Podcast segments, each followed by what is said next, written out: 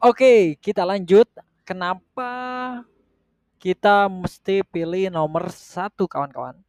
Jadi begini ya, ada beberapa alasan yang menurut gue bisa menjadikan kita untuk memilih salah satu pasangan calon di Pilkada Kabupaten Bandung.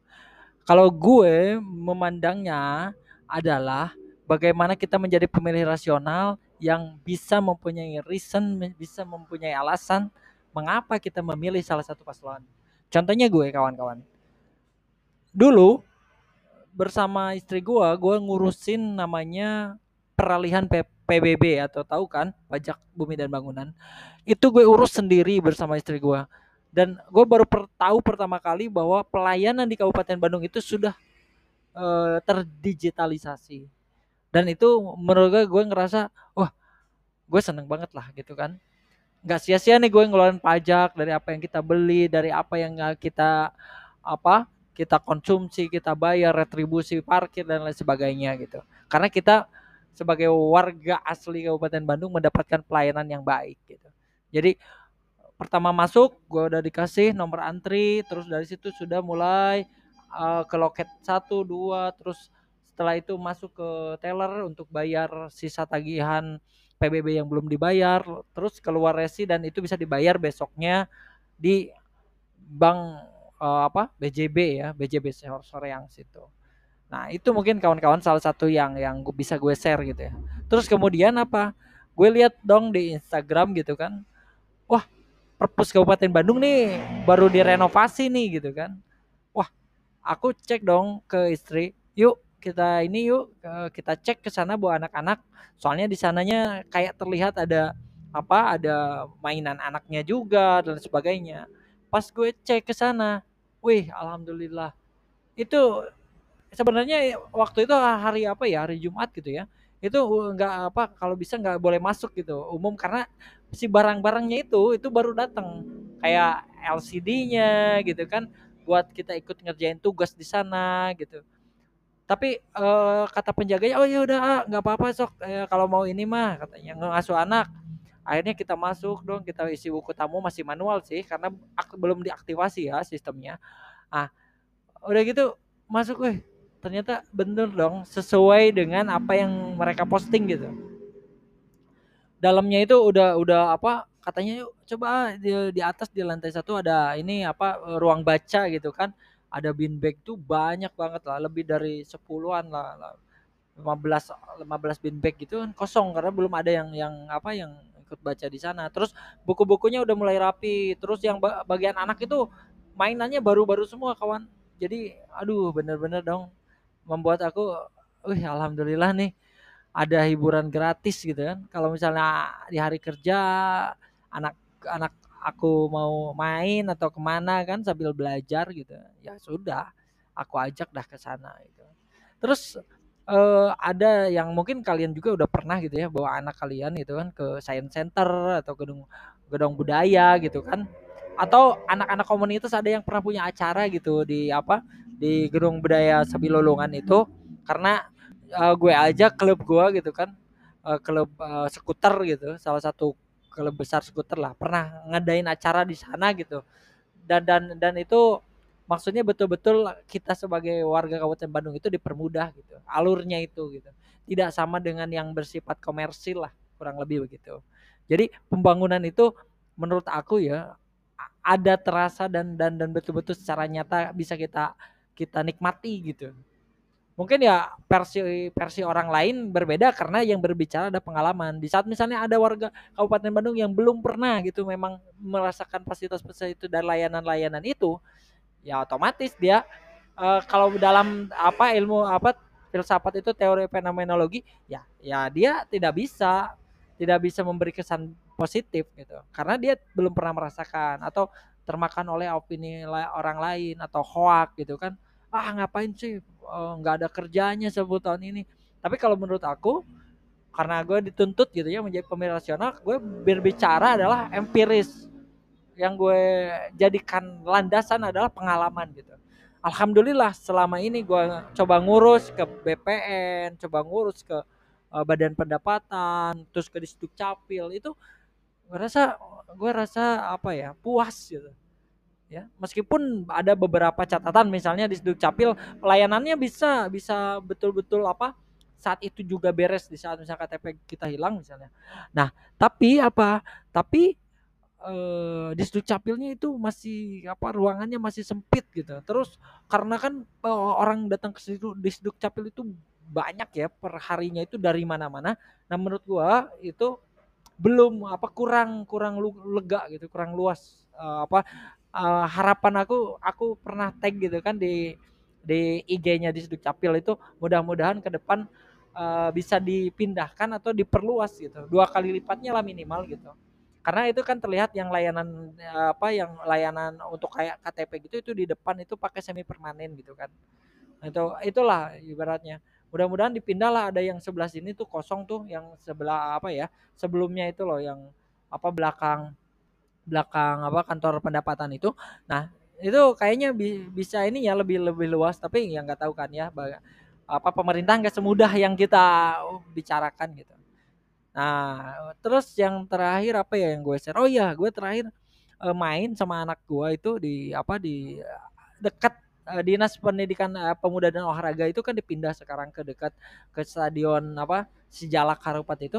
Nah di di pojoknya sana itu di di di sebelah kirinya itu ada uh, eh, BMX dan skate skate park gitu kayak track gitu. Meskipun nggak terlalu banyak besar ya. Tapi di sana ada fasilitas-fasilitas gitu. Kayak misalnya buat parkur anak-anak parkur terus skateboard BMX gitu kan.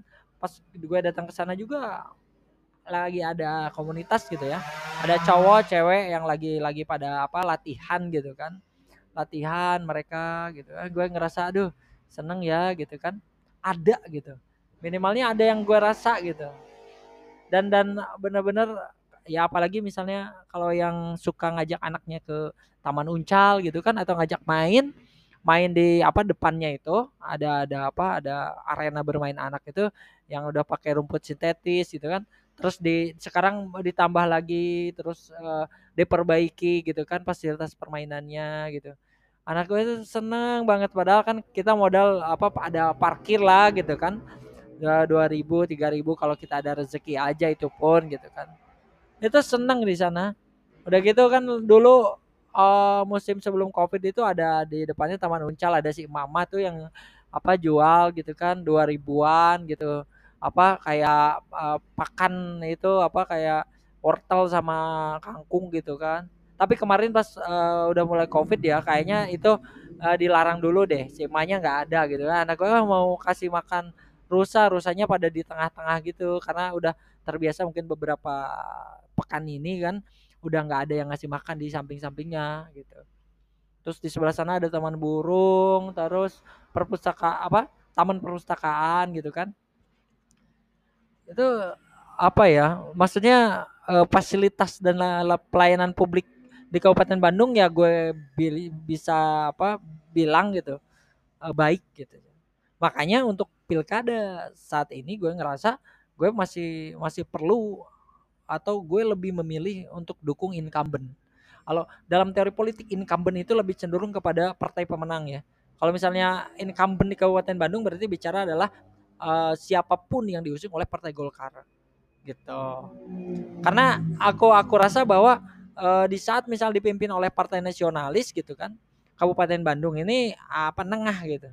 Nengah itu jadi religiusnya terkelola juga dengan baik ya. Banyak apa kejuaraan-kejuaraan yang dimenangkan misalnya Kabupaten Bandung misalnya terakhir aja misalnya Pak Haji Dadang Nasir itu mengapa mengupload gitu ya uh, juara kori itu dari asalnya dari Kabupaten Bandung gitu. Itu diklaim juga sebuah bentuk keberhasilan lah pembinaan para hafiz gitu kan di Kabupaten Bandung. Nah, eh apalagi ya ya yang yang yang bisa gue gue share gitu. Oh ya kemudian ini jangan lupa juga kalau buat mahasiswa nih, mahasiswa asal Kabupaten Bandung ya, khususnya uh, untuk di Universitas Pajajaran. Itu kemarin bulan Desember itu ya. Kalau nggak salah tanggal 19 Desember lah. Itu secara resmi pemerintah Kabupaten Bandung memberikan hibah sebesar 5 sampai 6 miliar kepada Universitas Pajajaran untuk pembuatan asrama mahasiswa di Kabupaten uh, asrama mahasiswa asal mahasiswa Kabupaten Bandung di Universitas Pajajaran.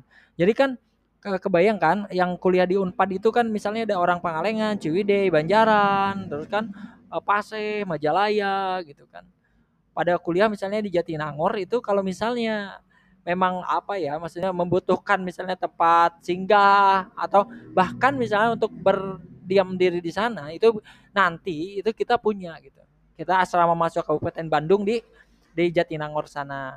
Nah, harapan gue nanti bisa juga gitu bahkan aku berencana sih bareng teman-teman gitu kan uh, kayak di UIN gitu itu diajukan juga nanti gitu misalnya oh iya uh, kami mengajukan misalnya ya mahasiswa Kabupaten Bandung bekerja sama dengan misal UIN uh, SGD gitu kan mengajukan gitu kan bahwa oh ini ada kebutuhan nih gitu sama seperti di Unpad gitu kan asrama mahasiswa terus yang di UPI nanti terus di kampus-kampus swasta misalnya bisa ngajuin barang gitu kan Nah itu mudah-mudahan uh, tambah juga kalau apa dengar dengar ada bakal ada beasiswa itu buat buat mahasiswa asal Kabupaten Bandung yang aktif gitu kan.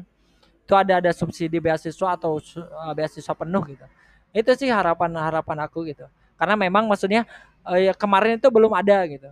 Mungkin turunan dari apa? Dari beasiswa Jawa Barat yang sekarang apa? Di di keluaran Kang Emil ya, kayak misalnya Jabar Futur Leader itu JFL itu kan itu langsung boom gitu kan.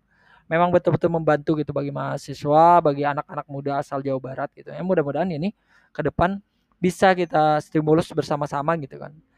Nah, terus eh, apa lagi ya mungkin itu aja sih dari aku mudah-mudahan kalian sebagai mahasiswa Kabupaten Bandung pertama jangan pernah golput dengan alasan apa pun jadi seburuk apa pun se skeptis apa pun kalian tentang pemerintah, harapan aku adalah kalian datang bantulah hargailah kerja KPU gitu kan. Bantulah target KPU yang 77% itu memilih gitu. Karena kalau kita lihat lima tahun ke belakang itu hanya kurang tak lebih dari misalnya 67 persen, ya malah di bawah itu masih 66 persen gitu. Partisipasi masyarakat terhadap pesta demokrasi di Kabupaten Bandung di rumahnya sendiri gitu. Jadi itu aja. Ingat tanggal 9 Desember 2020 ayo kita bareng-bareng kita datang ke TPS masing-masing gitu ya. Dengan hati yang riang, hati yang senang. Setelah itu kita touring mau ke mana aja pokoknya gas. Ya. Wabillahi taufiq. Wassalamualaikum warahmatullahi wabarakatuh.